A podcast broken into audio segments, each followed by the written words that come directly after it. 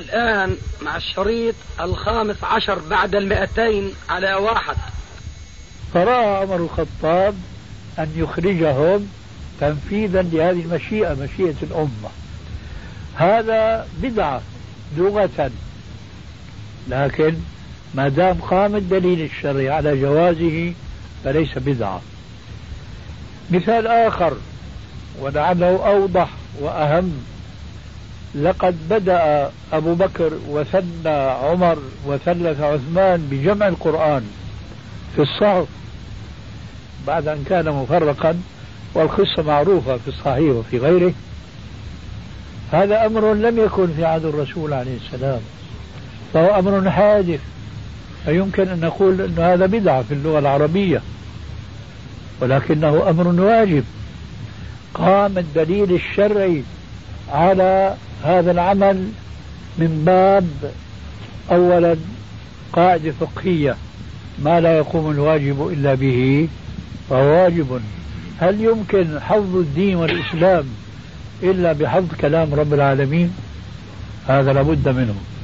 ثانيا في عندنا نص في القرآن الكريم ألف لام ذلك الكتاب لا ريب فيه هدى للمتقين. ذلك الكتاب. أين الكتاب؟ هو هذا الذي أشار إليه رب العالمين وكان سابقا اللوح المحفوظ ومقررا في التشريع بأنه يجب أن يكون كتابا يتلى. فحينما نسمع ضرب مثال على البدعة الواجبة لهذا أو لذاك أو بهذا أو بذاك ضرب مثال بجمع القرآن بيقولوا هذه بدعة حسنة. يجب أن نتأول كلامهم لأن الأصل في كلام العلماء أن يحمل على المحمل الحسن. فيجب أن نتأول كلامهم بأنه بدعة بمعنى أمر حدث. لكن هذا الذي حدث ما حدث هكذا اعتباطا وعلى قولة العام شوفي يا أخي. لا إنما هذا بدليل موجب لمثل هذا الجمع ولذاك الإخراج الذي فعله عمر الخطاب رضي الله عنه. وعلى ذلك فقيسوا كل البدع التي آه، حدثت وستحدث. إن قام الدليل الشرعي على جوازها أو وجوبها فهذه ليست بدعة شرعية لأن البدعة الشرعية صفتها ضلالة وكل ضلالة في النار. أما البدعة اللغوية فهي تقبل هذا التقسيم باعتبار الأدلة الشرعية. فما دل على الوجوب فهو واجب ما دل على الجواز فهو جائز وبين ذلك تلك المراتب المعروفة. مثلا بعض الجهلة لما نقول يا أخي هي بدعة والرسول يقول كل بدعة ضلالة وكل ضلالة في النار وإياكم ومحدثات الأمور. إلى آخر الحديث بيقول لك يا أخي هي السيارة اللي أنت بتركبها هذه بدعة. سبحان الله. هذه سيارة من الأمور المباحة التي تدخل في عموم قوله تعالى ويخلق ما لا تعلمون وهذا مما لا نعلم. كما حدثت أشياء كنا لا نعلم. خلق لكم ما في الأرض جميعا. بلا شك هذا الشاي وهذه الكأس بخصرها ورقبتها وإلى آخره لم يكن في ذاك الزمن. فهذا الشرب شو حكمه؟ بدعة. ما بنقول بدعة. صحيح لما بدنا ندقق كان هذا في زمن الرسول ما كان في زمن الرسول. إذا هذه بدعة. نعم بدعة لغة. قال تعالى في حقه بديع السماوات. يعني موجدهما بعد أن لم يكونا موجودتين فهو المبتدع فهو الموجد فهو فهو المحدث إلى آخره. فهذه بدعة لغة لكن ليش ندخلها في مسمى لفظة البدعة التي أطلق الرسول عليها قوله كل بدعة ضلالة؟ هكذا فإذا قامت الأدلة الشرعية على وجوب بدعة نقول بوجوبها لا لأنها حدثت وإنما لأنها وجبت. وكذلك إذا قام الدليل على جواز شيء ما نقول هذا جائز لأنها حدثت؟ لا هي جائزة ولو لم تحدث لأنها داخلة في نصوص شرعية. وهكذا. وفي ذلك نقول ختاما أيضا لهذا الموضوع. إذا جاءت لفظة البدعة في لغة الشرع فيجب أن نفسرها بعرف الشرع.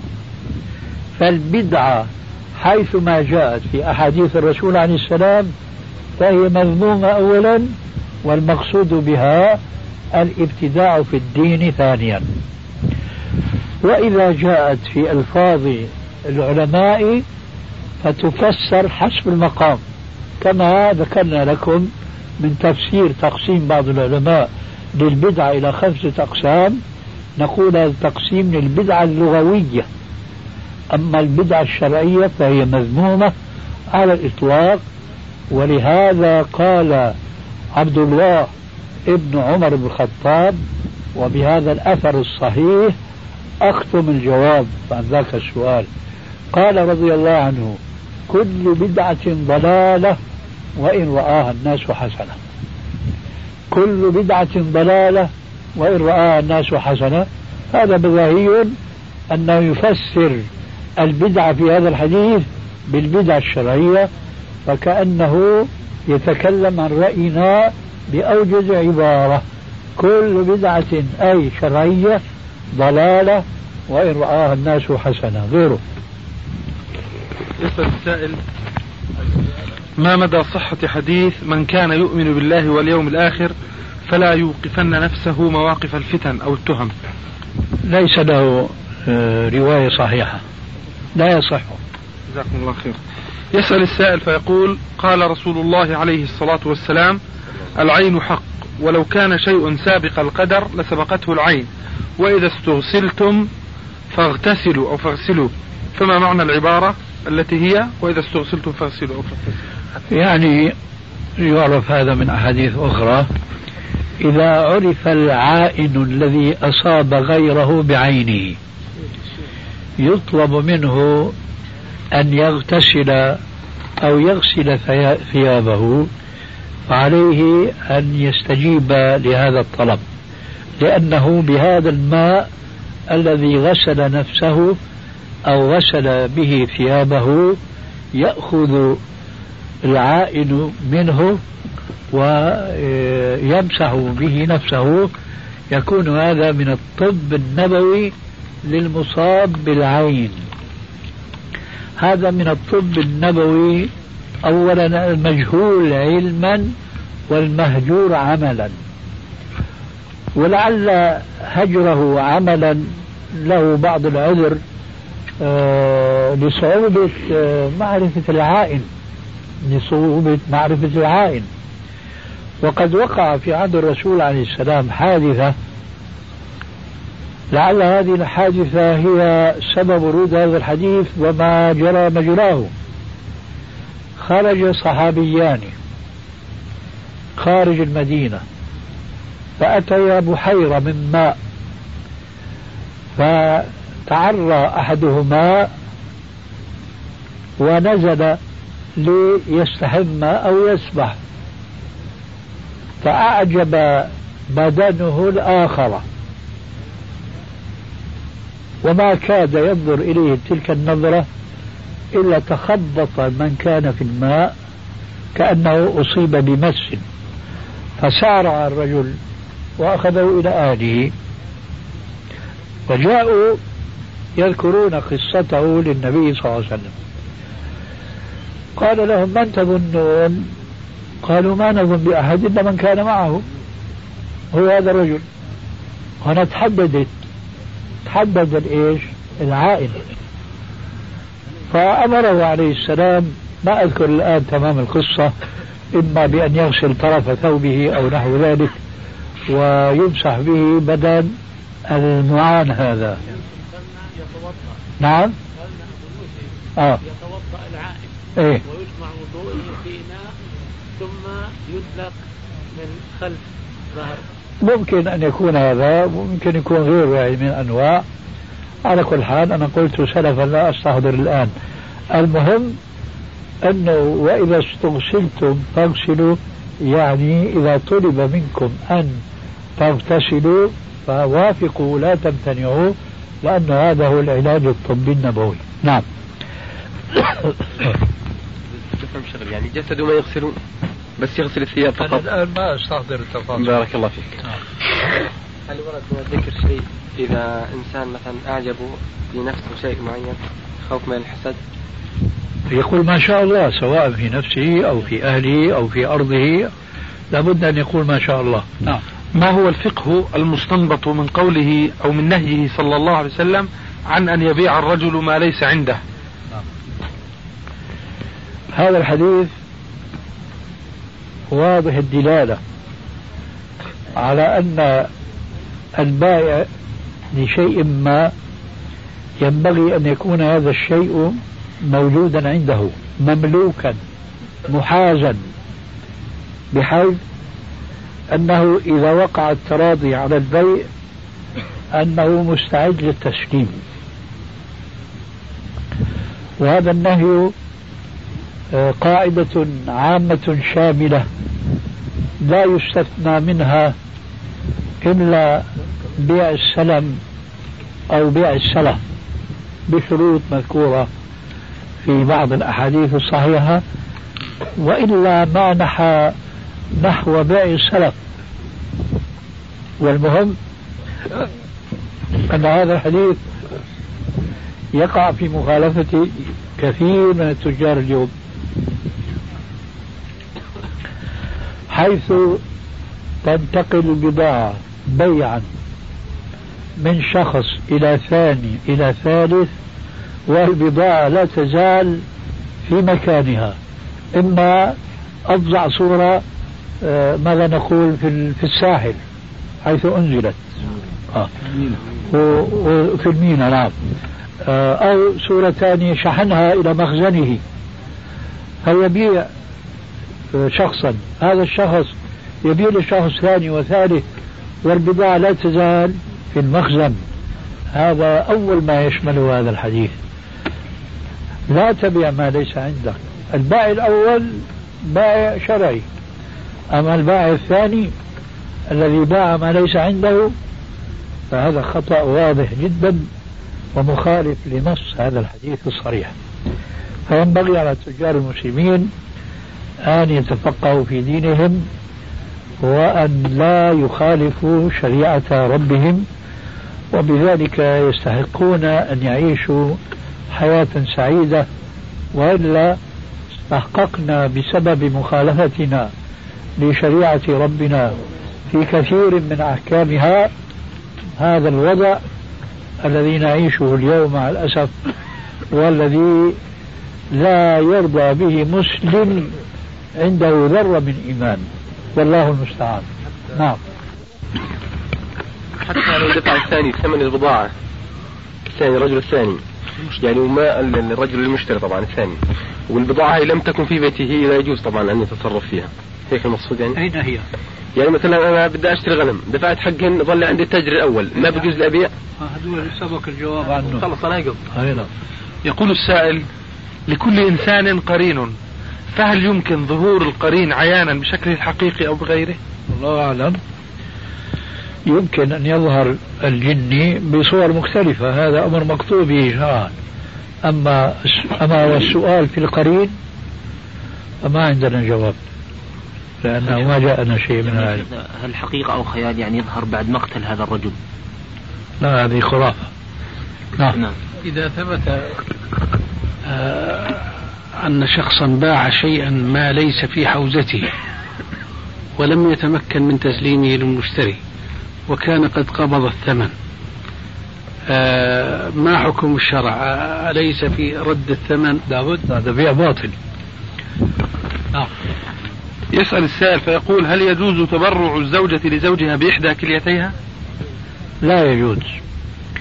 هذه بدعة سيئة في العصر الحاضر.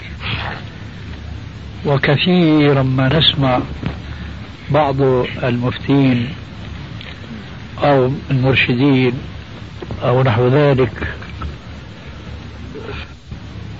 يفتون بالجواز. وأنا أعتقد مع احترامنا لآراء هؤلاء الذين يصدرون في فتاواهم عن شيء من الاجتهاد. نرى أن هذا من الأخطاء الفاحشة لأنهم أولا, أولا لا يجدون آه، مستندا لهم شرعا سوى مجرد الاستنباط والاجتهاد. ولكن هذا الاجتهاد والاستنباط فيه غفلة عن بعض النصوص الأخرى التي يجب ملاحظتها حين إصدار مثل هذه الفتوى لأن التبرع بكلية إما أن يكون من الحي وهذا هو الغالب والذي يجري حوله السؤال والجواب وإما أن يكون من ميت مات حديثا ولا تزال آه، الكليتان في رأي الأطباء حيتان. يمكن الاستفادة منهما أو من إحداهما لحي. في الحالة الأولى أي في حالة كون إحدى الكليتين تستخرج من الحي كما جاء في السؤال في تعريض للمتبرع بالكلية لنفسه للضرر إن لم نقل للهلاك. وأنا أصور صورة لتوضيح هذا الجواب.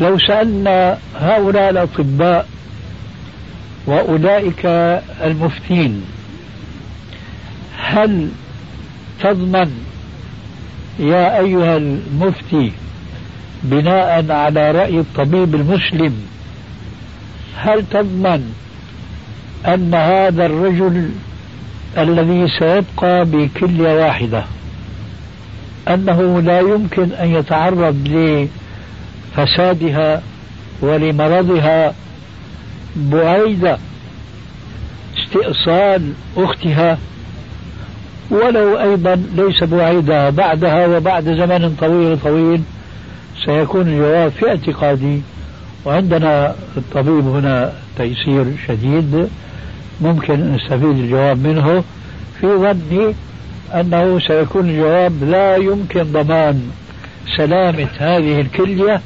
بعد استخراج أختها.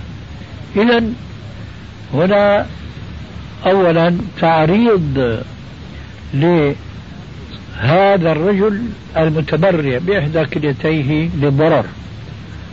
وهنا لفت النظر إلى قوله عليه السلام لا ضرر ولا ضرار. من جوامع كلم الرسول عليه السلام. كما يقول النووي وغيره في الأربعين له هذا الكلام لا ضرر ولا ضرار. يدخل تحته عشرات إن لم نقل مئات من المسائل. ما الفرق بين لا ضرر ولا ضرار؟ لا ضرر بنفسك ولا إضرار بغيرك. بأي شيء أضررت نفسك فهو حرام عليك. بأي شيء أضررت به غيرك فهو حرام عليك. حتى ولو كان هذا الإضرار بالخير. وهنا نكتة أرجو التنبه لها. حتى لو كان الإضرار بالخير. طبعا بالخير الذي لا يجب وإنما هو خير فعلا. لا ضرر بنفسك. ولو بالخير. كلام عجيب. لكنه كما قال تعالى وإنه, وإنه لحق مثل ما أنكم تنطقون. لا ضرر بنفسك ولو بالخير. من أين أخذنا هذا؟ من أحاديث كثيرة جدا جدا. قال عليه السلام في حديث معروف سببه فمن رغب عن سنتي فليس مني. ما مناسبة هذا الحديث؟ الخير الكثير. ما هو هذا الخير؟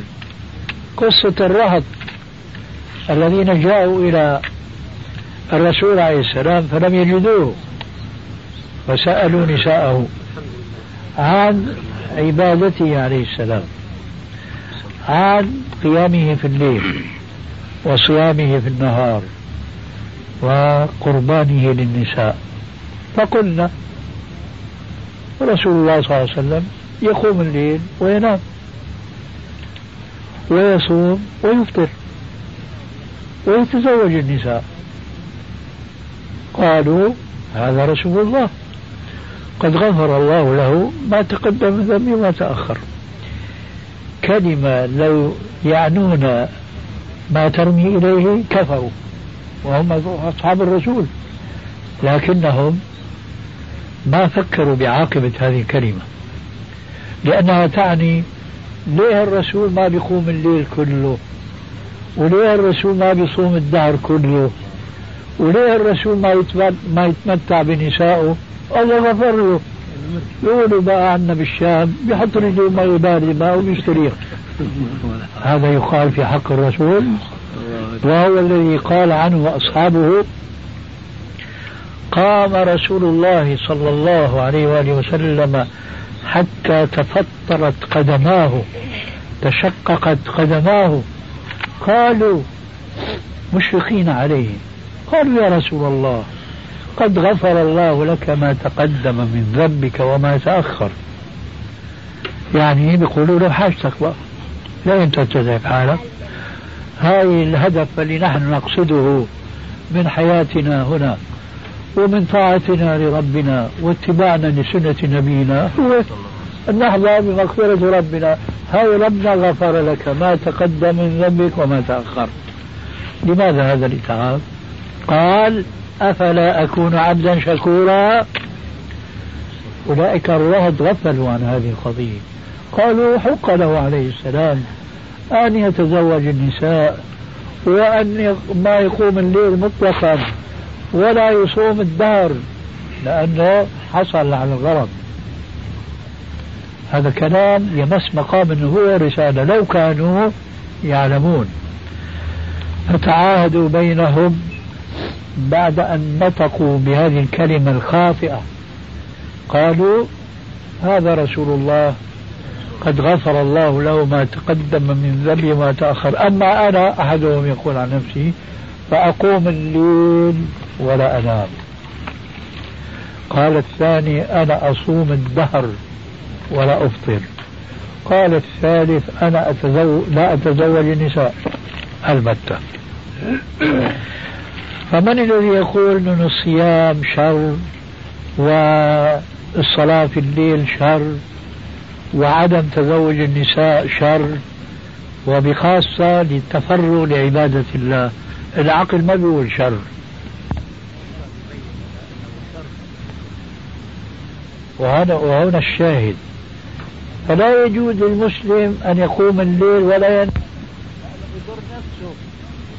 وهذا ما وقع لعبد الله بن عمرو بن العاص حيث زوجه أبوه بفتاة من قريش. عجائب أمور كان بينه وبين أبوه 15 سنة. يعني أبوه تزوج مبكرا فأراد أن يزوج ابنه أيضا مبكرا وهذا خير. وليت آباء الزمان يقتدون بهذا الخير. ما بيزوجوا أولاد إلا بعد الثلاثين وأكثر. حتى يدرس ياخذ الشهادة الثانوية والجامعة والدكتوراه إلى آخره وبيكون خربت البصرة. الشاهد. لما زوجه بعد أيام كما هو شأن طبيعي دخل على كنته سألها عن حالها مع زوجها. قالت إنه لم يطأ لنا بعد فراشا لم يطأ لنا بعد فراشا يعني كأنه ما صار زواج. بلا شك أن الأب هنا يعني يغضب أشد الغضب فيشكو إلى الرسول عليه السلام. نحن زوجنا ابننا مشان نحسنه مشان كذا إلى آخره ولا يزال هو في عبادته وما سائل عن زوجته. شو عبادته جاء الرسول إليه أو لقيه هكذا الرواية قالوا بلغني أنك تقوم الليل وتصوم الدهر ولا تقرب النساء قال له قد كان ذلك يا رسول الله إذا هو أضرها بماذا؟ بالصوم والصلاة وإيش؟ القيام والقيام ماذا قال له عليه السلام؟ قال إن لنفسك عليك حقا ولزوجك عليك حقا ولزورك عليك حقا أي من يزورك. في حديث آخر وقع بين سلمان وأبي الدرداء فأعطي كل ذي حق حقه. قال يا رسول الله إني شاب إن بي قوة إني أستطيع أكثر من ذلك. متى قال هذا الكلام؟ ما وضع له منهجا أنه يقرأ بدل هو كان يقرأ في كل ليلة ختمة قرآن. هذا بيختم القرآن كل ليلة شو عاد يصلح للنساء؟ واللي بيصوم الدهر؟ شو عاد يصلح للنساء؟ فقال له تقرأ القرآن آخر شيء. في كل شهر مرة بس اقرأ القرآن في ثلاث ليال. فمن قرأ القرآن في أقل من ثلاث لم يفقهه. بالنسبة للصوم كان قال له بتصوم من كل شهر ثلاث أيام. لأن الحسنة بعشر أمثالها فإذا صمت ثلاث أيام كأنك صمت شهر. كان يقول يا رسول الله إني شاب إن بي قوة إني أستطيع أكثر من ذلك. قال له لا أفضل من ذلك. لا أفضل من ذلك. الرسول عليه السلام انتقل إلى الرفيق الأعلى وعاش عبد الله بن عمر فيما بعد حياة طويلة مباركة. كبر صار بسني وشيخوختي وهو مثابر على منهج الرسول اللي اياه مش صوم الدهر. ولا ختمة قرآن في كل ليلة لا ختم القرآن في ثلاث أيام. وصوم يوم ويفطر يوم. هذا أوسع شيء أعطاه لما وصل للسن كان يقول يا ليتني كنت قبلت رخصة رسول الله صلى الله عليه وسلم.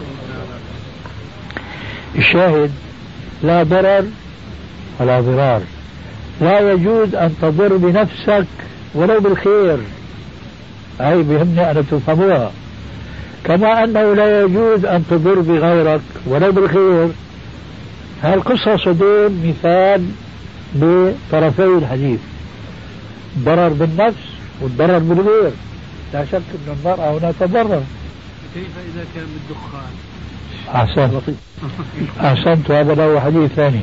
الشاهد الشاهد بارك الله فيكم ذكر الفقهاء بناء على قوله عليه السلام لما سمع صوتا في المسجد بتلاوة قرآن كشف الستارة قال يا أيها الناس كلكم يناجي ربه فلا يجهل بعضكم على بعض بالقراءة فتؤذي المؤمنين. هذه زيادة صحيحة ولو كانت غير معروفة في كثير من كتب الحديث. فتؤذي المؤمنين بإيش؟ بالجهر بالقراءة كأنه يقول لهم اخفضوا أصواتكم بالقراءة كلكم يناجي ربه. فما فائدة؟ الشاهد بارك الله فيكم. ذكر الفقهاء بناء على قوله عليه السلام لما سمع صوتا في المسجد بتلاوة قرآن كشف الستارة. قال يا أيها الناس كلكم يناجي ربه فلا يجهل بعضكم على بعض بالقراءة فتؤذي المؤمنين. هذه زيادة صحيحة ولو كانت غير معروفة في كثير من كتب الحديث. فتؤذي المؤمنين بإيش؟ بالجهر بالقراءة. كأنه يقول لهم اخفضوا أصواتكم بالقراءة كلكم يناجي ربه فما فائدة الصوت.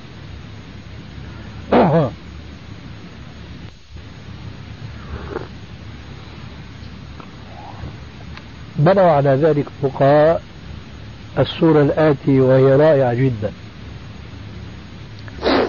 قال لو كان في المسجد رجل نائم. ورجل بدا له أن يقرأ القرآن. فلا يجوز له أن يرفع صوته بتلاوة القرآن. لماذا؟ لأنه يؤذي النائب. فهو برفع الصوت القرآن ما هو آثم ولا هو مبتدع بل هو جائز. يجوز أن ترفع صوتك في القرآن خاصة إذا كان الإنسان يخشى الملل إذا قرأ سرا وهذا بعض الناس يشعرون به. لكن إذا كان هناك في المسجد شخص نايم ما بيجوز أن ترفع صوتك في القرآن. إذا عرفنا هذه الحقائق الشرعية فكيف يجوز أن نقول يجوز للشخص الحي أن يتبرع بإحدى كليتيه للآخر وقد يكون في ذلك ضرر له إما عاجلا وإما آجلا. ويتأيد هذا الكلام بأن نتذكر حقيقة يؤمن بها كل مؤمن. ربنا قال في القرآن ما ترى في خلق الرحمن من تفاوت أي من خلل. علمه من علم وجهله من جهل. لأنه كل الناس يعلمون هذه الحقيقة لكن المسلم يستفيد علما من كتاب ربه ومن حديث نبيه. ما ترى في خلق الرحمن من تفاوت. ترى لما ربنا خلق للإنسان كلوتين وخلق له يدين ورجلين. عبثا ما ترى في خلق الرحمن من تفاوت. أنا لا أرى فرقا أبدا بين إنسان يتطوع بإحدى كليتيه وآخر يتطوع بإحدى يديه أو رجليه. لا فرق أبدا بين هذا وهذا. إطلاقا. نعم. بل استمر بالكلى أكثر وأخطر. أخطر. أحسنت. هي شهد شاهد من أهلها أنا كنت عم أستنى مجيئه هو. جزاك الله خير. فإذا وأنا أقول شيء وهذا نذكره بيانا الواقع وعبرة لمن يعتبر. أنا الآن أنا اللي بتكلم معكم بهذا الكلام.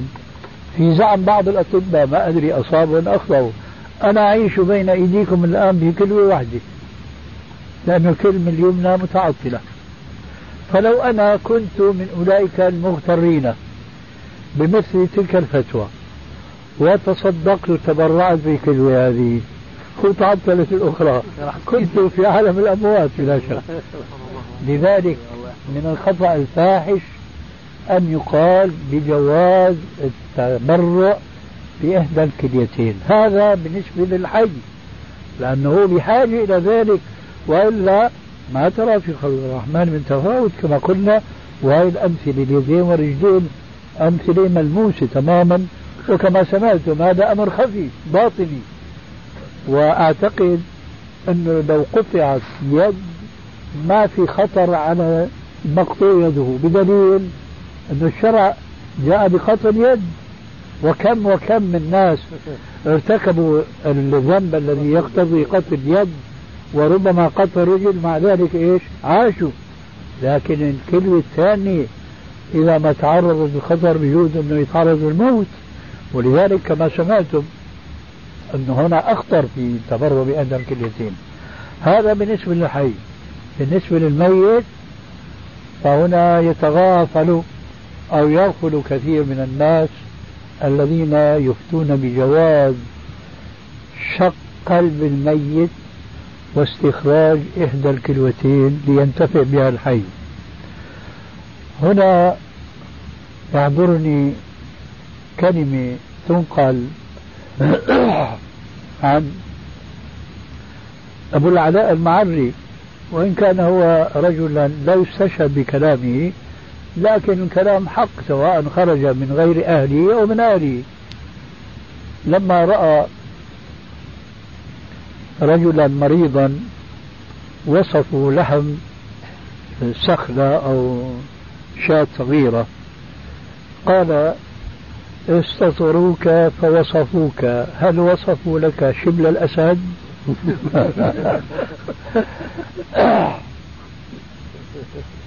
فتسلطوا على الأموال وحكموا بالاستفادة من إحدى كلوتين لكن الشرع يقول لا يجوز التمثيل حتى بالكفار وهذا من أدب الإسلام. فما بالك التمثيل بالمسلمين؟ وقد قال عليه الصلاة والسلام كسر عظم المؤمن الميت ككسره حيا كسر عظم المؤمن الميت ككسره حيا إذا شقق لبطنه ولأعصابه وما أدري شو بمر في طريقه. الطبيب أعرف مني للوصول إلى هذه الكلوة. هذا تمثيل لهذا الميت وهم لا يفرقون مع الأسف. حينما يفتون هذه الفتوى لا يفرقون بين المسلم والكافر. وربنا يقول أفنجعل المسلمين كالمجرمين؟ ما لكم؟ كيف تحكمون؟ إن أرادوا ولابد من مثل هذه الفتوى تحقيقا للمصلحة زعموا مصلحة الحي على حساب الميت على الأقل يقيدوها بالكافر. لأن الرسول حينما قال كسر عظم الميت وصفه بالمؤمن قال ككسره حيا. مع ذلك فأنا أرى أن هذا الأسلوب يترفع عن مبدأ أن الغاية لا تبرر الوسيلة في الإسلام خلافا للكفار الذين يقولون إما بلسان حالهم أو بلسان قالهم ولسان الحال أنطق من لسان المقال في كثير من الأحوال. هؤلاء الكفار يقولون الغاية تبرر الوسيلة. ولذلك كما ترون في هذه الحياة في هذا العصر وغيره يستحلون ما لا تجيد ديانة من الديانات بعد الإسلام على عجرها ومجرها. لماذا؟ لأن الغاية تبرر الوسيلة.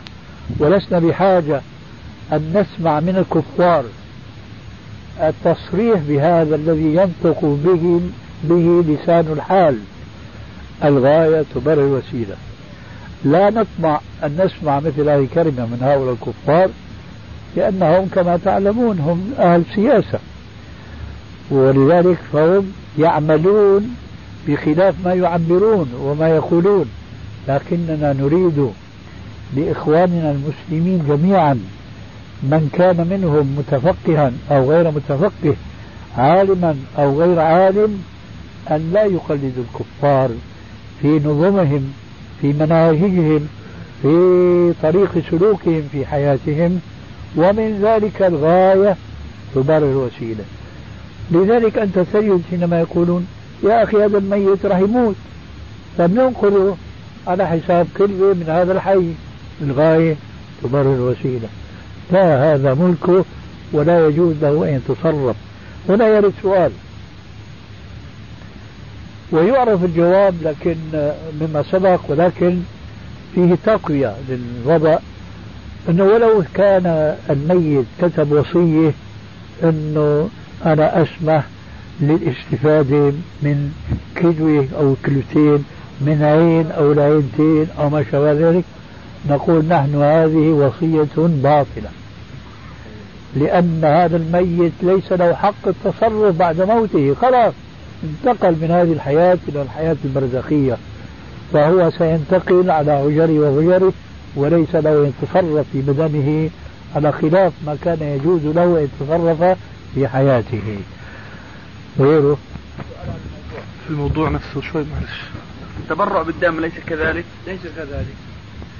لأن في هذا الدم ليس فيه شيء من التمثيل لكن الشرط السابق وارد بمعنى. أنا أقول لك عن نفسي ولعل في ذلك عبرة. التبرع يكون من إنسان عنده دم زايد وعنده قوة نشاط بحيث أنه يعوضه بما يأكل من طعام وشراب. لا يكون تبرع المتبرع بالدم تبرعا جائزا كما قلت آنفا إلا برأي طبيب مشرف على صحة هذا المتبرع وإلا قد يقع في نفس المحظور أو ما يشبه المحظور السابق أنت تتبرع بدمك فتنحط صحتك عرفت كيف؟ آه. والمثال فيما أظن أنا أيضا المثال أنا منذ.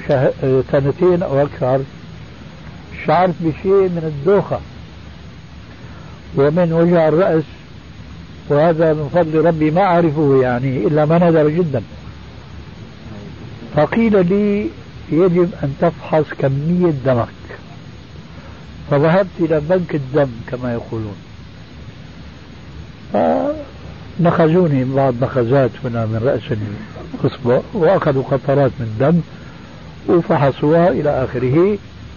كان الجواب أنه أنت ما أدري شو الاصطلاح الطبي الدم عندك درجته أو قوته 21 بينما لازم يكون 14 أو 15 18 ها؟ 18 أكثر شيء.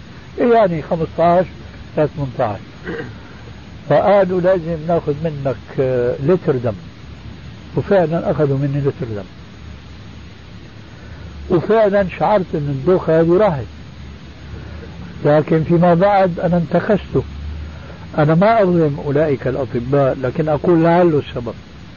النكسة إلى الآن أشكو منها أن الكريات البيضاء عندي ناقصة. وبيذكروا عدد يعني ضخم هناك. ومهما تعالجت ومهما أخذت أدوية وإلى آخره يعني إن قالوا في تقدم فتقدم زهيد لا يذكر. أنا أخشى ما أخشى أن يكون هذا النقص هو نتيجة هذاك السحب. لأنه هذاك السحب هي فلسفة من عندي. قد يقبلها الأطباء وقد لا يقبلونها.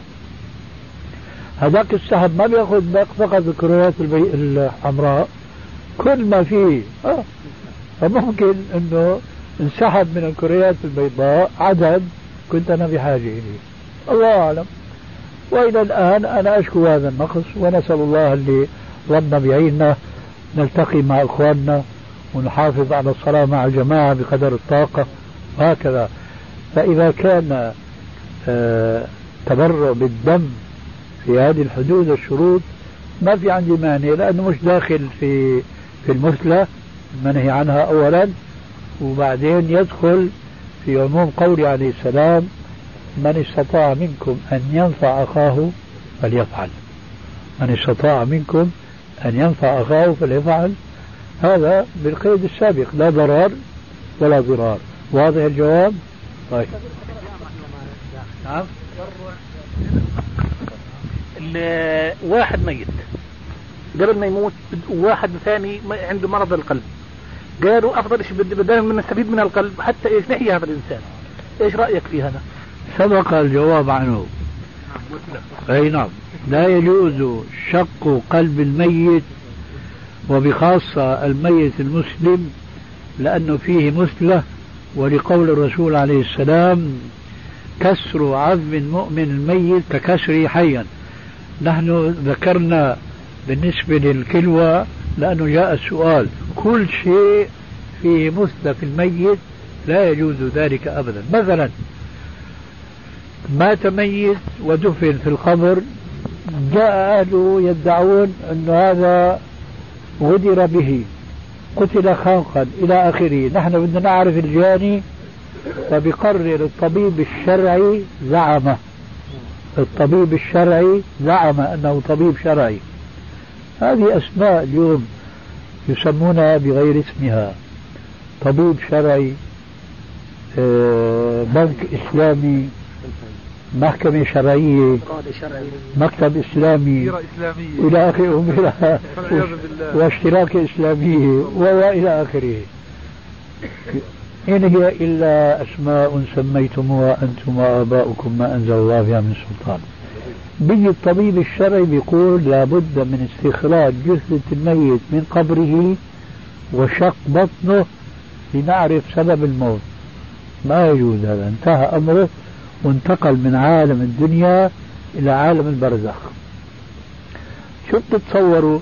أن هذا الإنسان لما وضع في القبر تخيلوا معي هذه الحقيقة لأنها حقيقة وليست خيالا وقل من يفكر فيها. هذا الميت لما وضع في القبر ولقن التلقين الشرعي أو تلقين البدعي وهذا أكثر ما يقع اليوم مع الأسف الشديد. إذا جاءك فسألك من ربك من نبيك ما دينك إلى آخره فقل كذا وكذا وإلى آخره. وفعلا جاءه الملكان منكر ونكير وسألاه وأعطى الجواب إما نجح وإما إيش سقط. ومثل ما بيقولوا عنا بالشام دريل اجى الطبيب الشرعي قال كشفوا عن الميت كشفوا عن الميت وأخذوه وضعوه المشرحة وشرحوا وحكم الطبيب الشرعي بشيء ما بيهمه وعيد إلى قبره هل يأتيه الملكان ويسألانه؟ طبعا لا يأتيه الملكان ويسألانه، ليه؟ لأنه هو لما دخل عالم البرزخ جاءه السؤال فلن يعاد إليه السؤال.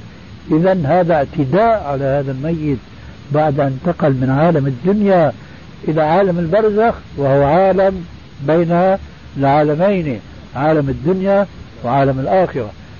فلذلك يجب أن تتنبهوا إلى أن هذه قاعدة تشمل كل شيء يتطلب شق بطن الميت والتمثيل به. إن كان من كلية من قلب من ما أدري أشياء أخرى هنا عصب مخ أي شيء كان. فهذا لا يجوز. أما بالنسبة للتبرع فهذا بملكنا وبإرادتنا. لا ضرر ولا ضرار بارك الله فيك. أما إخراج إخراج الميت يأتي بأمر آه، قانوني رسمي. لا يستطيع أهل الميت رد. هذا ولا يستطيع هو رد هذا بحث ثاني بمعنى إذا نحن نسعى الآن وكل بحسبه وباجتهاده ورأيه لتحقيق المجتمع الإسلامي وإقامة الحكم الإسلامي فنحن لما نتكلم بهذه الكلمات نعرف أنه كثير منها تذهب هباء منثورا لماذا؟ لأننا لا نملك تنفيذها وإنما هي بيد الدولة لكن حينما نتكلم هو توعية للأمة فيما إذا قامت الدولة الإسلامية حقا فهل يكون هذا الطبيب الشرعي في يوم الدولة الإسلامية قائمة؟ الجواب لا ولذلك لا يرد علينا مثل هذا السؤال نعم شيخنا في سؤال يعني متعلق بالمسألة نفسها إيه؟ لكن يترتب عليه سؤال آخر اللي هو المثل المضروب من التبرع بالإيد أو الرجل وهو إلى الطب أقرب هل من الممكن طبيا الانتفاع باليد والرجل إذا قطعت؟ هذا يسأل الأطباء فيها. طيب على ضوء هذا شيخنا في طرحت بعض المجلات مسألة إذا قطعت يد السارق هل له أن يأخذها ليضعها مرة أخرى؟ ليس له هذا جوابه عندنا. نعم. لأن قطع يد السارق بحكم الشرع الحكيم لم يكن عبثا وإنما لحكمة بالغة نعم. وهي أنه أن هذا الإنسان في أي مجلس يجلس يشار إليه بالبنان أو بذنب العين أن هذا سارق.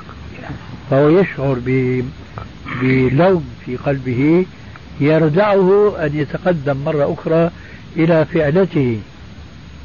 فإذا ما أعيدت يده المقطوعة إليه وصار كالذي لم يسرق لم تحصل الغاية من هذا التنفيذ الشرعي أو من هذا الحد الشرعي. لذلك الحقيقة هذا المنطق يصدر من أولئك الكفار الذين لا حدود عندهم. أما والحدود عندنا ولغاية مشروعة ما ينبغي أن نشبه زيدا ببكر. وعليكم السلام ورحمة الله وبركاته. من البعض من الحيوانات يعطوا أعضاء حيوانات يردوها على البني آدم. والله إذا كان حيوان يعني آه، أهلي أولا ليس كالخنزير والكلب مثلا فمبدئيا ممكن أن يقال بالجواز بس بشرط نشوف نوعية العمل هل هو ميتة ولا حية ولا إيه؟ تحتاج إلى شيء من التفكير والآن لست هناك. نعم. يسأل السائل فيقول امرأة حامل توفيت قبل الوضع والجنين حي قد اكتمل. فهل يجوز شق بطنها من أجل استخراج الجنين؟ يجب. يجب. أي نعم. نعم. ما دام حيا. أما إذا كان لا فلا يجوز.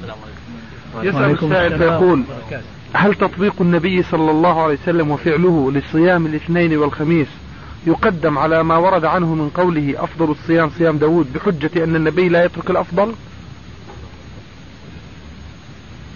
ما هذا كلام واعي قد يكون الأفضل بالنسبة للرسول عليه السلام ترك العبادة من أصلها بيانا للشريعة.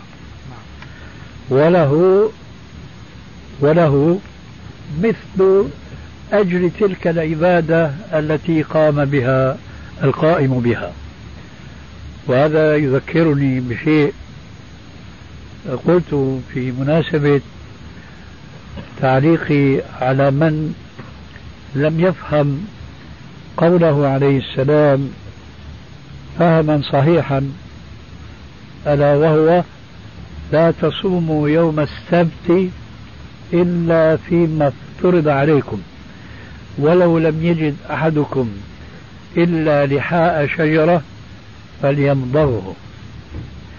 أشكل هذا الحديث على كثير من الناس قديما وحديثا ونحن لا علاقة لنا بالقدماء لأننا لا نستطيع أن نتبادل الكلام معهم. لكننا نستطيع أن نتبادل الكلام مع بعض الأحياء وليس مع كل الأحياء. السلام عليكم ورحمة الله وعليكم السلام ورحمة الله وبركاته. نستطيع أن نتبادل الكلام حول هذا الحديث مع بعض الأحياء وليس مع كل الأحياء لأن البعض الآخر من الأحياء هم كالأموات. ولذلك لا أعني هؤلاء وإنما أعني البعض الأول. فنقول أو قد قلت لبعض هؤلاء حينما استشكلوا عموم هذا الحديث فسلطوا عليه الأحاديث الأخرى التي فيها بيان فضيلة صوم يوم الاثنين ويوم الخميس ويوم عاشوراء ويوم عرفة ويوم من أيام البيض الثلاثة. فقالوا لا تصوموا يوم السبت إلا فيما افترض عليكم وإلا في كذا وكذا وكذا وكذا. استثنوا الأيام التي يستحب الصوم فيها. لا أريد إطالة الحديث في هذا الصدد وإنما أريد فقط آه، تأكيد ما أجبت آنفا بأن النبي صلى الله عليه وسلم الذي كان لا يصوم يوما ويفطر يوما ليس معنى ذلك أنه ليس له أجر ذلك الصيام الذي لم يفعله. ممكن أن نعتقد أكثر من ذلك. ممكن أن النبي صلى الله عليه وسلم إذا أفطر يوما من الأيام أن يكون له أجر صيام ذلك اليوم من الأيام. لماذا؟ لأنه أفطر لغاية شرعية. وهو البيان للشريعة للأمة. ونحن نقتدي بنبينا عليه السلام وهنا الشاهد.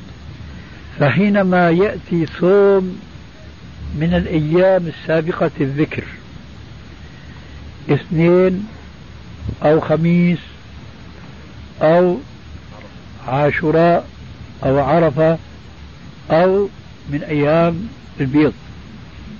يأتي فيصادف يوم السبت. فندع صيام هذا السبت لهذا الحديث. فنحن نأمل من الله أن يكتب لنا أجر صيام ذلك اليوم مع أننا لم نصمه. أظن عمركم ما سمعتم هذا الكلام. فاسمعوه اليوم وفي آخر الزمان. نأمل من الله أن يكتب لنا صيام يوم عاشوراء أو يوم عرفة الذي لم نصمه. لماذا؟ لأنه صادف يوم السبت. ما الذي حملك على هذا الطمع في فضل الله عز وجل؟ لعلمي بأن العلماء يقولون أن الرسول صام وأفطر صلى أو ما صلى فأجره مكتوب له لأنه بيان للشريعة. نحن نقول حينما نفطر يوم السبت وصادف يوما من تلك الأيام الفاضلة نرغب من الله ونطمع في فضله أن يكتب لنا صيام ذلك اليوم مع أننا استنباطي وقد لا يعقله الكثيرون لكني سآتي بدليل هو مفصل تفصيل فيما نحن فيه تماما ألا وهو قول عليه السلام من ترك شيئا لله عوضه الله خيرا منه نحن إذا تركنا صوم يوم عرفة أو عاشوراء لمطابقته ليوم السبت لماذا؟ لأن الرسول قال إلا فيما افترض عليكم وهذا ليس فرضا فتركناه لله فإذا الله يعوضنا خيرا منه أظن أخذت الجواب مضاعفا أيضا وليس فقط هو. نعم. جزاكم الله خير. يقول السؤال ما هو الدليل الشرعي على جواز الجمع بين الصلاتين تقديما؟ وإذا ورد الدليل فما هو حكم الاقتصار عليه دون جمع التأخير كما يفعله كثير من المسلمين اليوم؟ أولا أريد أن أصحح السؤال أو أحدد السؤال على أقل الأحوال. وهو في نهاية السؤال قوله كما يفعله المسلمون اليوم. المسلمون اليوم يجمعون للمطر. هذا المطر هو الذي يفرض أن يكون الجمع جمع تقديم وأن لا يكون جمع تأخير. فإذا كأنه السائل آه، يجهل أو لا يعلم أن الجمع للمطر منصوص عليه في الحديث الذي رواه مسلم في من حديث ابن عباس قال جمع رسول الله صلى الله عليه وسلم في المدينة بين الظهر والعصر وبين المغرب والعشاء بغير سفر ولا مطر. قالوا ماذا أراد بذلك يا أبا العباس؟ كنية عبد الله بن عباس أبو العباس. ماذا أراد بذلك يا أبا العباس؟ قال أراد ألا يحرج أمته. الشاهد من الحديث قول ابن عباس بغير سفر ولا مطر. فهنا إشعار بأن المخاطبين كان مقررا عندهم. ومعروفا لديهم أن الجمع بعذر السفر والجمع بعذر المطر أمر معروف مشهور لديهم. ولذلك